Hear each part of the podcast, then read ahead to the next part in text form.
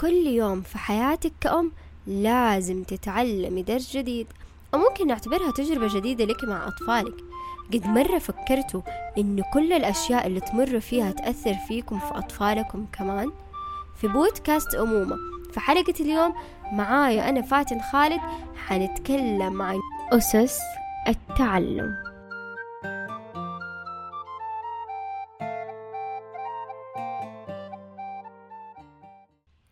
تبدأ المرحلة الحساسة في تعلم اللغة مع الولادة. والأطفال يستجيبوا كلهم لبيئة غنية بالكلمات. وطبعا أنت كأم مستعجلة على الطفل بأنه يتعلم. وكل ما زاد ضغط الأهل على أولادهم أكيد حتزيد مقاومتهم في التعلم.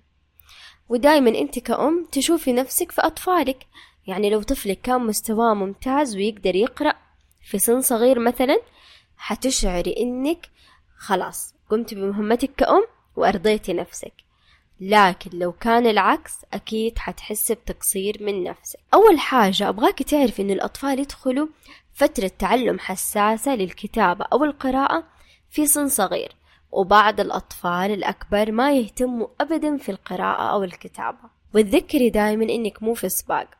وإذا اتبعتي أسلوب سليم معاهم في التعليم حتزيدي إقبالهم على القراءة والكتابة. وهنا أنا حأعطيك شوية تمارين لطفلك تخليه يتطور في بيئة منزلية توفر له الدعم والمهارات اللي هو يحتاجها. أول تمرين هو القراءة الجهرية. ضروري تحطي بين يد أطفالك تشكيلة واسعة من الكتب. ومتى ما حسيتي إنه طفلك ممكن يجلس ويقدر يركز على طول بدون أي تردد ابدأي معاه القراءة الجهرية. خليه يجلس في حضنك حتى لو ما كان وقت النوم. الوقت اللي طفلك يجلس معاك فيه وفي يدكم كتاب ويسمعك وتتناقشوا وتتكلموا عن الصور اللي بتشوفوها مع بعض حيتطور كثير. حاولي إنك تعطي اهتمام كبير للكتب اللي هو يفضلها وحاولي إنك تعيدي حماسك في كل مرة تعيدي معاه قراءة القصة اللي هو يحبها. ثاني تمرين اتبع الكلام.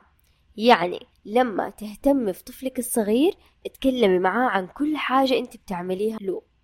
مثلا انت بتغير لطفلك ملابسه عشان خارجين. لا تشيليه فجأة كده وتلبسيه على طول ويشوف نفسه خارج. لا. اوصفي له انت إيش قاعدة تعملي له بالتفصيل. يعني قولي له أنا دحين حشيلك وححطك على كتفي وداخلين الحمام نلبس وأفضلي أتكلمي معاه على كل شيء انت بتعملوه. قولي له إحنا عشان خارجين لازم نلبس وفهميه حاولي تفهميه حاولي تعطيه مفردات كثيرة. آه طبعا إحنا مو في كل الأوقات نكون رايقين عشان نقدر نمارس هذا الأسلوب. لكن على الأقل حاولي بعض الأحيان اللي يكون الوقت مناسب بالنسبة لك إنك تعملي كده معاه. ده الشي حيربط عن طفلك اللغة مع الفعل اللي أنت قاعدة تعملي. وحاولي مثلا لما تمري بموقف أنت وطفلك قرأتوه في قصة معينة عيدي له نفس المفردات أو كلميه بنفس لهجة الكتاب. ده الشي حينمي عنده الربط اللغوي بشكل جدا كبير. ثالث تمرين الحديث مع طفلك. اتكلمي مع طفلك بوضوح. عيونه حتدلك إذا كان بيفهمك أو لا. مع نمو قدرة طفلك على الفهم لازم تصير لغتك أكثر تعقيد في المفردات وتركيب الجمل. علمي كلمات جديدة. اطفي التلفزيون في البيت. لو كنتوا مثلا في السيارة اطفي الراديو. استمتعي بالكلام مع طفلك. في جو هادي ومناسب ويساعده على التطور اللغوي. رابع تمرين هو علمي أسماء الأشياء في البيت. علمي طفلك الأسماء الصحيحة للأشياء المنزلية.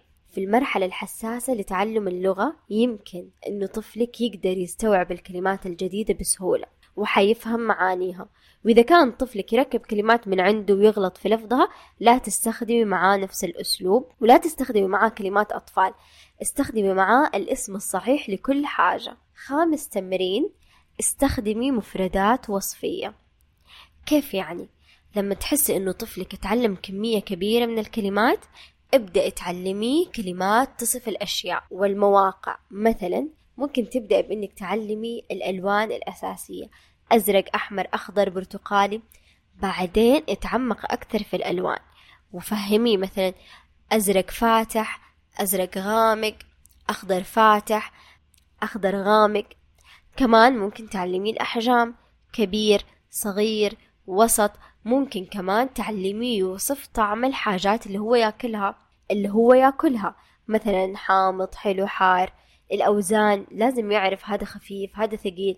كل ما مثلا تمر بموقف أوصفي له الشيء اللي هو قدامه أوصفي له طعم الأكل اللي أنتوا تاكلوه. ده الشيء مرة حيفرق مع طفلك. سادس تمرين وهو إثراء المفردات. هذه الطريقة جدا مفيدة عشان تعلمي طفلك شيء معين ويستخدموها المعلمين دائما في الفصول الدراسية.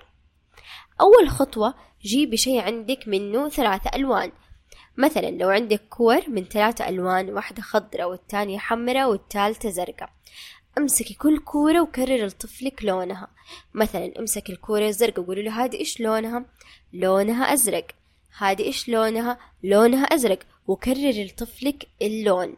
بعد ما تكرري له ألوان الثلاث الكور تاني خطوة ساعدي طفلك بإنه يربط بين اللغة والخبرة اللي انت قبل شوية أعطيتي له إياها. واسأليه فين الكورة الخضراء؟ فين الكورة الزرقاء؟ فين الكورة الحمراء؟ إذا جاوبك تمام كويس. وإذا ما جاوبك تمام ما في أي مشكلة. إذا ما تذكر ما في أي مشكلة عيدي له الدرس من البداية بكل هدوء. الخطوة الثالثة والأخيرة جيب الثلاث الكور قدام طفلك اسأليه من غير ما تذكري له أي لون. إيش يعني؟ يعني مثلا أشري له على الكورة الزرقاء وقولي له هذه إيش لونها؟ المفترض إنه أنت كررتي له مرة كتير فهو المفروض يجاوبك. لكن إذا ما جاوبك وما تذكر برضو عادي وبكل هدوء عيدي له الدرس من البداية من الخطوة الأولى. افضلي كرري له بعدين انتقلي للخطوة الثانية وبعد كده ارجعوا للخطوة الثالثة إلين ما يمشي تمام في كل الخطوات. سابع تمرين تمرين رواية الحكايات. هذا التمرين جدا سهل وممتع. طبعا بعد كل الطرق والتمارين اللي ذكرناها المفترض إنه طفلك الآن عنده مفردات كثيرة وعنده قدرة على الوصف. اذا طفلك عنده القدرة على إنه يروي لك حكاية. بكل سهولة اطلبي من طفلك إنه يختار صورة من أي مجلة أو أي جريدة. بعد ما يختار الصورة قصوها بترتيب وبشكل جدا جميل وخليه يلصقها في ورقة ملونة بلون هو يختاره. بلون هو يختاره. بعد كده خليه يوصف لك الصورة بكم كلمة. لو كان طفلك كبير شوية ويقدر يستوعب ممكن يروي لك قصة كاملة عن الصورة. سواء كانت الصورة حيوان أو شخصية أو أي شيء بس ضروري إنه كل كلمة يقولها تدونيها بالحرف الواحد وبدون أي يعني تظبيط في الكلام. الكلمة اللي هو يقولها اكتبيها زي ما هي. وبعد كده رتبوها في الورقة بشكل جميل. طيب إذا كان طفلك كبير شوية ممكن يروي لك قصة كاملة عن الصورة اللي هو اختارها سواء كانت حيوان أو شخصية كرتونية أو أي شيء هو يحبه بس ضروري إنه كل كلمة يقولها تدونيها بالحرف الواحد وما تعدلي عليها أبدا. وبعد كده ترتبوها في الورقة بشكل جميل. ممكن كمان تساعد طفلك إنه يكتب اسمه عليها بعد ما يكمل الورقة أو ممكن تضيف عليها رسومات هو يعملها بنفسه. وكمان إذا كان طفلك أصغر شوية وصعب إنه يكتب ممكن تخليه يرسم علامة معينة هو يحبها أو مثلا يكتب أول حرف من اسمه. ده الشي يخليه يربط بين الكلمات المكتوبة على الورقة والكلمات اللي هو نطقها. تامن تمرين وآخر تمرين. اسأليه عن مشاعره. في بعض الأحيان ممكن إنك تحفزي طفلك على الكلام. مثلا ممكن تسأليه إيش الشيء اللي ممكن يحصل في أحداث القصة؟ أو كيف يتوقع إنها حتنتهي القصة؟ أو حتى ممكن تساعديه على إنه يتخيل لو كان مكان الشخصية إيش ممكن يعمل. وبرضه في تمرين اشتهر الفترة الأخيرة يخص المشاعر. وهذا التمرين جدا جميل وجدا يعرفك على مشاعر طفلك بكل سهولة. طيب ممكن تجيب لطفلك ثلاثة صور. الصورة الأولى طفل بيضحك الصورة الثانية طفل حزين الصورة الثالثة طفل بيحتفل الصورة الرابعة طفل خايف. وتسأليه عن كل صورة وتقولي له ليش هذا خايف؟ ليش هذا فرحان؟ ده التمرين حيبين لك طفلك هو بيخاف من إيه هو بيفرح بإيه وهكذا. وأخيرا لما يصير طفلك جاهز للكلام كوني مستعدة للاستماع. شجع طفلك إنه يتكلم عن مشاعره. شجعيه يفكر ويتخيل لأنه ده الشيء بداية الإبداع لطفلك.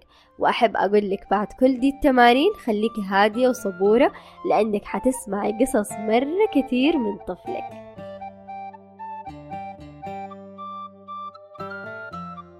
ولا تنسوا تتابعونا في مواقع التواصل الموجودة في صندوق الوصف وانشروا الحلقة لكل الأمهات اللي تتمنوهم يستفيدوا معانا. واستنوني معاكم في الحلقات الجاية.